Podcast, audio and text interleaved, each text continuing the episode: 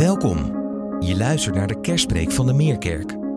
Met kerst vieren we de geboorte van Jezus en denken we na over wat dit voor ons mag betekenen.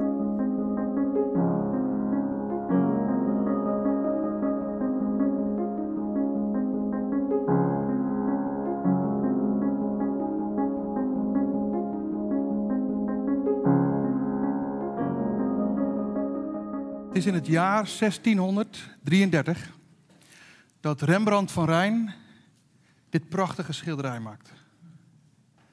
De storm op het meer van Galilea, zo heet het schilderij.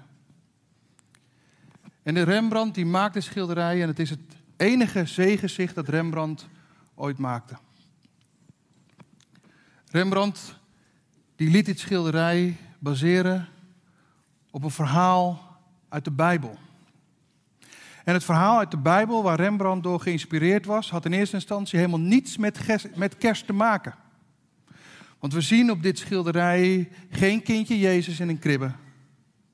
Geen stal, geen Jozef en Maria, geen wijzen uit het oosten, geen goud, wierook en mirre. In eerste oogopslag heeft dit schilderij helemaal niets met kerst te maken. Het verhaal achter dit schilderij, waar Rembrandt zich door liet inspireren, begint wanneer Jezus aan het einde van de dag zijn leerlingen het voorstel doet om naar het overkant van het meer van Galilea te varen. En ze stappen in de boot en zij varen naar het overkant van het meer. En tijdens die boottocht begint het ineens hevig te stormen. En golven die beuken tegen de boot in en dreigen de boot stuk te maken. En iedereen aan boord van deze boot, zijn leerlingen, zijn bang om te verdrinken. En alsof dat niet genoeg is, ze zijn niet alleen bang om te verdrinken, maar terwijl ze zichzelf proberen te redden,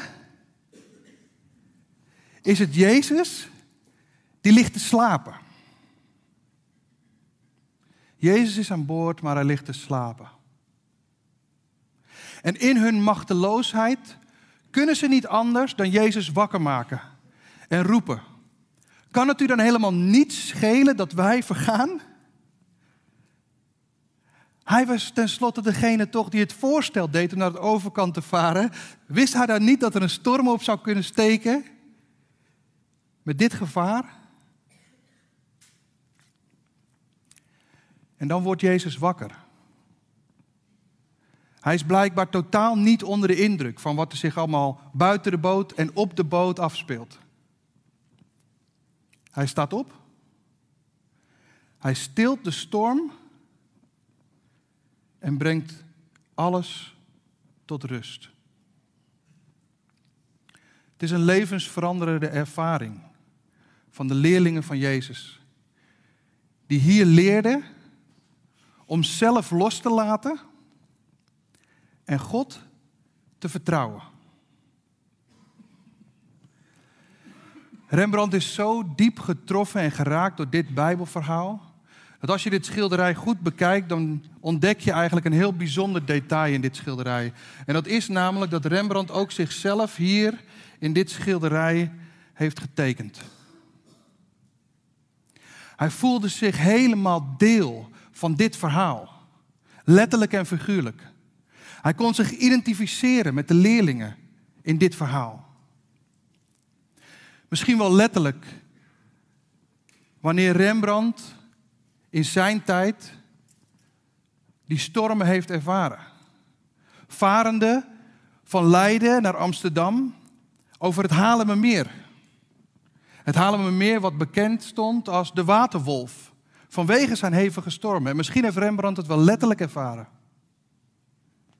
Maar hoe bijzonder dat wij ook hier, nu, op deze plek, in deze kerk, dat wij ons nu hier in het hart van dat Haarlemmermeer ons bevinden.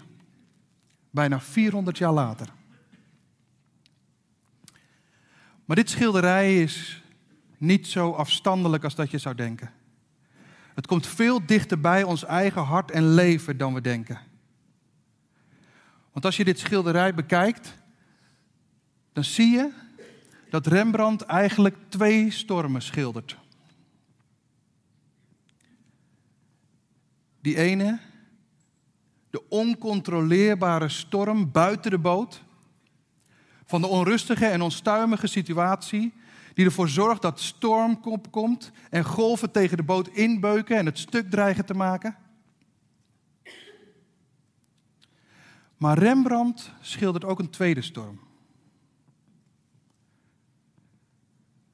Een emotionele storm die van binnenuit het hart van de leerlingen onrustig maakt. Als je kijkt naar dit schilderij, dan zie je de angst van de leerlingen. Waar ze met man en macht proberen hun eigen leven te redden. Het is een emotionele storm op de boot die Rembrandt hier schildert. Rembrandt herkende zich in beide stormen. En ik denk, ik denk als wij hier ons leven zouden reflecteren, eerlijk en oprecht, dan denk ik dat als we dat zouden doen, dat wij onszelf ook zouden herkennen in deze stormen. Dat ook wij deel zijn van dit verhaal. Dat ook wij deel zijn van deze boottocht die de leerlingen maakten en waar Rembrandt zich zo in herkende. Ik denk dat ook Trea zich zou kunnen schilderen aan boord van deze boot. Ook Trea hier is deel van hun verhaal. Maar ook ik ben deel van dit verhaal. Ook ik hang hier in de vlaggenmast, angstig vasthoudend aan de mast. Ook ik ben deel van dit verhaal. Maar als we eerlijk en oprecht ons eigen leven zouden reflecteren, dan denk ik dat ook jij jezelf zou kunnen tekenen aan boord van deze boot en dit verhaal. Ook jij bent deel van dit verhaal. Als je misschien wel bekend bent met die oncontroleerbare stormen, die van buitenaf op je levensboot inbeuken en schade tot gevolg heeft gehad. Misschien herken je je wel in die emotionele stormen die van binnenuit komen. En onrust en chaos veroorzaken. En je hart en gedachten kunnen domineren. Zomaar een aantal stormachtige voorbeelden. En Trea noemde er al een paar in haar gebed. Maar misschien zit je hier inderdaad met het gemis van iemand waar je zo ontzettend veel van houdt en vierde je inderdaad kerst vorig jaar met de persoon waarmee je het nu niet kan vieren. Misschien heb je het afgelopen jaar wel ontdekt hoe kwetsbaar het leven kan zijn als je ziek bent geworden. Of misschien heb je iemand in je nabije omgeving gehad die ziek is geweest. En je daar de kwetsbaarheid van het leven hebt ontdekt. Misschien is dat wel de storm waarmee jij het afgelopen jaar hebt geworsteld. Misschien word je wel onrustig als je gewoon kijkt naar de wereld waarin we leven. Word je onrustig door het land waarin we leven? Of je eigen leven? Word je onrustig inderdaad als je denkt aan je eigen financiën? Aan je eigen werk? Maak je je zorgen erover? Maak je je zorgen over je huwelijk? Over je kinderen? Over je kleinkinderen? Misschien worstel je wel met steeds terugkerende verslavingen en kom je er gewoon niet uit en niet vanaf. Misschien ben je wel het afgelopen jaar gecanceld. Gecanceld door de groep waarvan je in eerste instantie dacht dat je erbij hoorde. Misschien worstel je wel met je geloof. En zit je hier op uitnodiging van iemand anders en denk je misschien wel bij jezelf: ach, kerst, geloof, God, Jezus, de kerk. Mooi voor die ander, maar ik heb er gewoon niks mee. Niet voor mij. Misschien worstel je wel met je geloof. Misschien twijfel je wel over je geloof door de stormen van het afgelopen jaar. Misschien, heel misschien, weet je niet eens wie je werkelijk bent. En als ik je de vraag zou stellen, wie ben je? Dat je dan denkt dat te kunnen beantwoorden door wat je doet en hoe je dat doet. Maar niet de kern weet te raken van wie je nou echt werkelijk bent. Los van wat je doet en hoe je het doet. Zomaar een aantal stormachtige voorbeelden die je leven in de war kunnen brengen, je onrustig maken en je kunnen desoriënteren op de zoektocht naar rust en vrede. En misschien kom je wel net uit zo'n storm. Misschien zit je midden in zo'n storm. En anders zou ik je het advies willen geven om jezelf voor te bereiden op zo'n storm. Want stormen zijn inherent aan het leven. Stormen zijn onvermijdelijk. Of je jong bent of oud bent. Je krijgt in het leven hoe dan ook te maken met stormen. Ze zijn onvermijdelijk. Maar ze zijn ook niet het hele verhaal. Stormen zijn niet het hele verhaal van dit schilderij. Zijn niet het hele verhaal van de Bijbel. Zijn ook niet het hele verhaal van jouw leven. Want de stormen hebben nooit het laatste woord. Ze hebben niet het laatste woord in het schilderij. Ze hebben niet het laatste woord in het Bijbelverhaal. En ze hebben niet het laatste woord in jouw leven. Want dit is het wonder van kerst. Jezus is aan boord. Hij is aan boord. Kerst betekent niet de afwezigheid van stormen, maar de aanwezigheid van Jezus in de stormen. Hij is God met ons. Hij die de hemel en aarde gemaakt heeft en de hemel verliet en als kind geboren werd. Niet om als kind te blijven, maar om aan boord te stappen van onze wereld, onze levensboot. Hij is God met ons. Wat dus niet wegneemt dat er geen stormen meer zijn en dat er ook geen stormen meer komen. Want kerst betekent niet dat we de rest van ons leven varen over een gladgestreken meer. God is geen curlingouder. Waar sommige ouders nog wel eens denken dat als je de weg van je kinderen ziet gaan, dat jij bezemt en de weg zo glad mogelijk probeert te maken voor je kinderen, zonder heuveltjes, zonder bergen. God is niet zo'n curlingouder. God is met ons. Door de bergen en de dalen heen. Hij is met ons. En daarom, daarom illustreert dit schilderij zo mooi ons leven anno 2022. Waar wij onszelf herkennen in de stormen. Waar wij ons misschien ook wel herkennen in de drukte en de chaos. Misschien wel juist de laatste weken van het jaar. Waarin je druk bent met kerst. Wie ga ik uitnodigen? Wat ga ik eten? En wie met wie gaan we dat allemaal vieren? En dan is kerst afgelopen en dan gaan we door naar oud en nieuw. En we rennen en we vliegen. Terwijl kerst misschien bij uitstek de plek zou moeten zijn, het moment zou moeten zijn in het jaar waarin je reflecteert op je eigen leven. En misschien hebben we het afgelopen jaar wel ervaren dat we ons eigen kunnen hebben overschat. Dat we zo druk bezig zijn met het redden van ons eigen leven dat we de redder uit het oog zijn verloren. Terwijl de redder aan boord is. En elke storm nog steeds zijn naam herkent. Want dit is goed om te realiseren. Dat de storm waar jij net uitkomt, waar je middenin zit of waar je voor staat, nooit zo groot is als de God die met ons is en achter je staat. En misschien ervaar je wel te midden van de storm wat de leerlingen hebben ervaren. Dat Jezus ligt te slapen. Maar dan zou ik je willen vragen om dan twee vragen oprecht aan jezelf te stellen. Heb je Jezus ook aangeroepen? En van wie verwacht je het stillen van de storm? Verwacht je het van Jezus? Of verwacht je het toch weer van jezelf?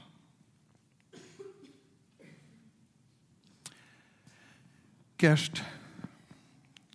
Kerst zou een tijd moeten zijn van reflectie en bezinning. Om van daaruit steeds bewuster te kunnen leven vanuit hoop, geloof en liefde. In vertrouwen en in navolging van Jezus Christus, God die mens werd en aan boord wil komen van onze levensboot. Om dan te ervaren dat elke storm nog steeds zijn naam herkent en dat hij rust geeft door alles heen. En misschien is dit uur, dit uur hier in deze kerk tijdens deze kerstnachtdienst, misschien is dit uur wel het enige moment wat jij hebt ervaren het afgelopen jaar om daarbij stil te staan, dat moment van reflectie en bezinning te hebben. Maak hier gebruik van. Om van daaruit bewuster te leven in hoop, geloof en liefde. Om daar te ervaren dat Jezus aan boord is van jouw levensboot en rust geeft door alles heen. We gaan straks kijken en luisteren naar een aantal enorm indrukwekkende levensverhalen. Levensverhalen van mensen die dit aan de lijve hebben ondervonden. En tijdens het kijken naar deze levensverhalen zullen we luisteren naar een lied. Een lied dat zegt, u geeft rust in mijn ziel. Het is gebaseerd op een Engels lied. It is well with my soul. En dat Engelse lied, dat is geschreven door een man genaamd Horatio Spafford. En Horatio Spafford die schreef dit lied, It is Well With My Soul, in het jaar 1873. Hij schreef het lied in de zwaarste storm van zijn leven. In de diepste, donkerste nacht en dal van zijn leven schreef hij dit lied. Een lied wat we vandaag de dag nog steeds over de hele wereld zingen. It is well with my soul. Het is goed met mijn ziel. Horatio die schreef dit lied in zijn zwaarste storm. En de afdaling naar dat diepe dal begon twee jaar daarvoor, in 1871. Wanneer Horatio en zijn vrouw Anna hun zoon verliezen aan een longontsteking. Datzelfde jaar verliezen zij al hun bezittingen door een grote brand in Chicago. Twee jaar later besluiten zijn vrouw en hun vier dochters van Amerika naar Europa te vertrekken met de boot.